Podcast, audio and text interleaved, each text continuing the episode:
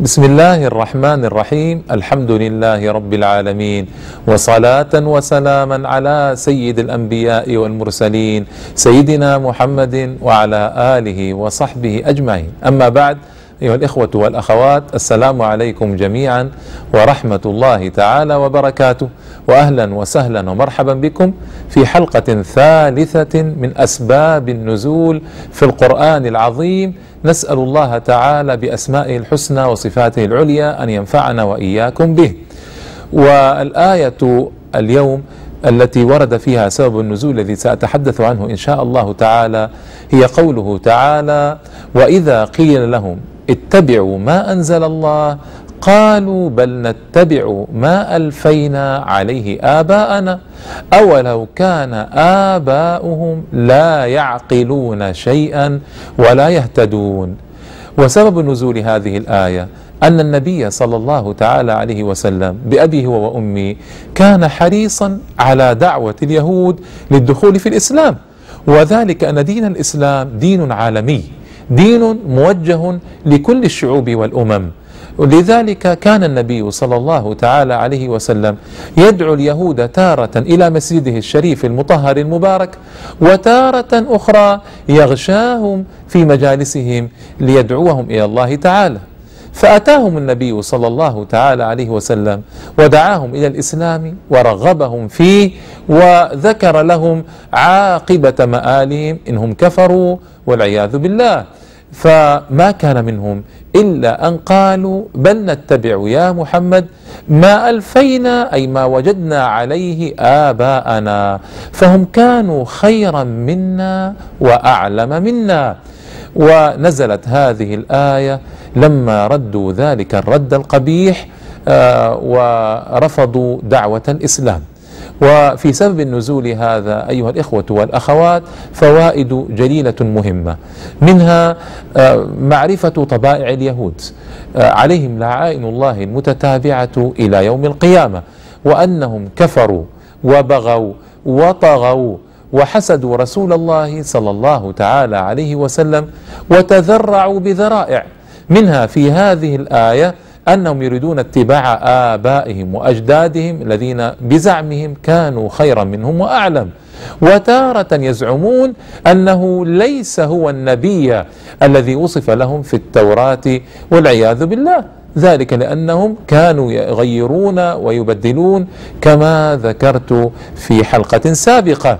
ويتذرعون بغير ذلك من الذرائع ردا منهم لدين الإسلام وبغيا وحسدا. الأمر الثاني المهم في هذه الآية الكريمة هو وجوب أن ننظر اليوم لنعلم عندما ندعو بعض الناس إلى الحق وبعض الناس إلى بعض أحكام الله تعالى ويؤمرون بالمعروف وينهون عن المنكر يقولون هذا قد وجدنا أسرنا عليه وعوائلنا وأهلنا ولا نرغب في التغيير. هذا يحدث في المجتمع يحدث مرارا. وبعض الناس إذا قيل يا أخي لماذا تصنع هذا؟ يقول هذا أمر معتاد عندنا عمله آباؤنا وأجدادنا وأنا أسير عليه. وهو بهذا يتشبه بأولئك اليهود الذين عندما نصحوا للدخول في الإسلام احتجوا بعمل آبائهم وأجدادهم وما كانوا عليه. فليس ينبغي للإنسان اليوم إذا بين له الحق ووضح له الأمر أن يحتج بعمل أهله أو بعمل آبائه وأجداده. فهذه قضية معروفة بل يذعن للحق ويسلم له ولو كان من كان القائل له والأمر له بالمعروف والنهي له عن المنكر.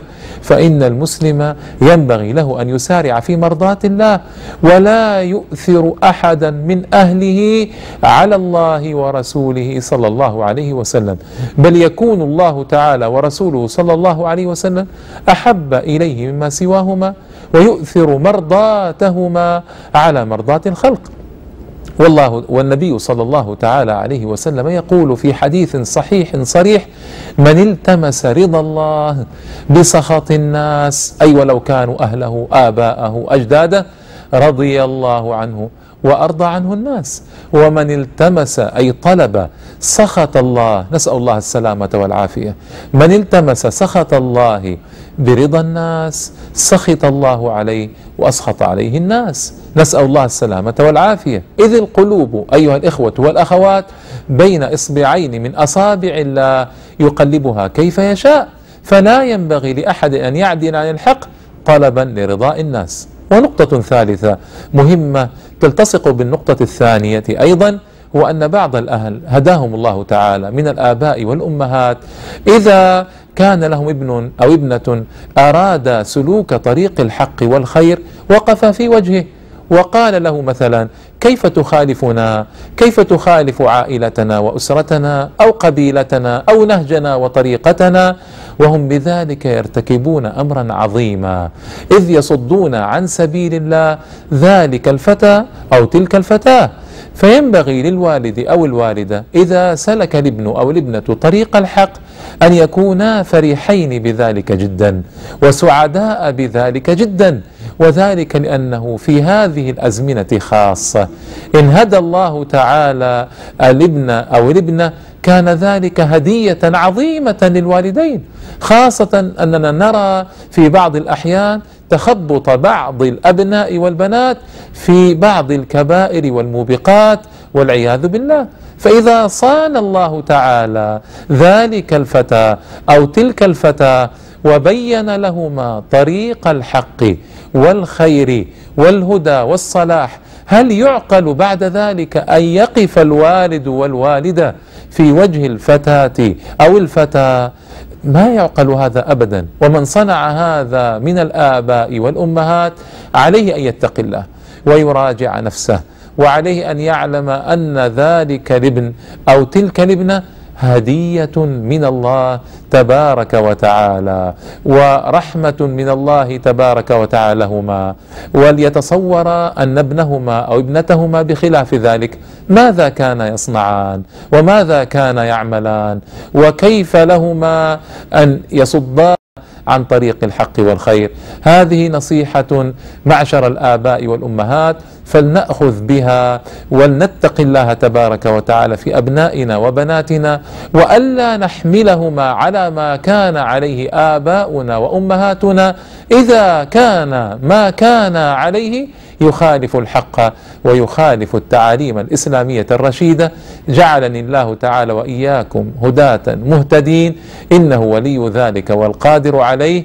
وإلى اللقاء في حلقة قادمة من أسباب النزول إن شاء الله تعالى والسلام عليكم ورحمة الله تعالى وبركاته.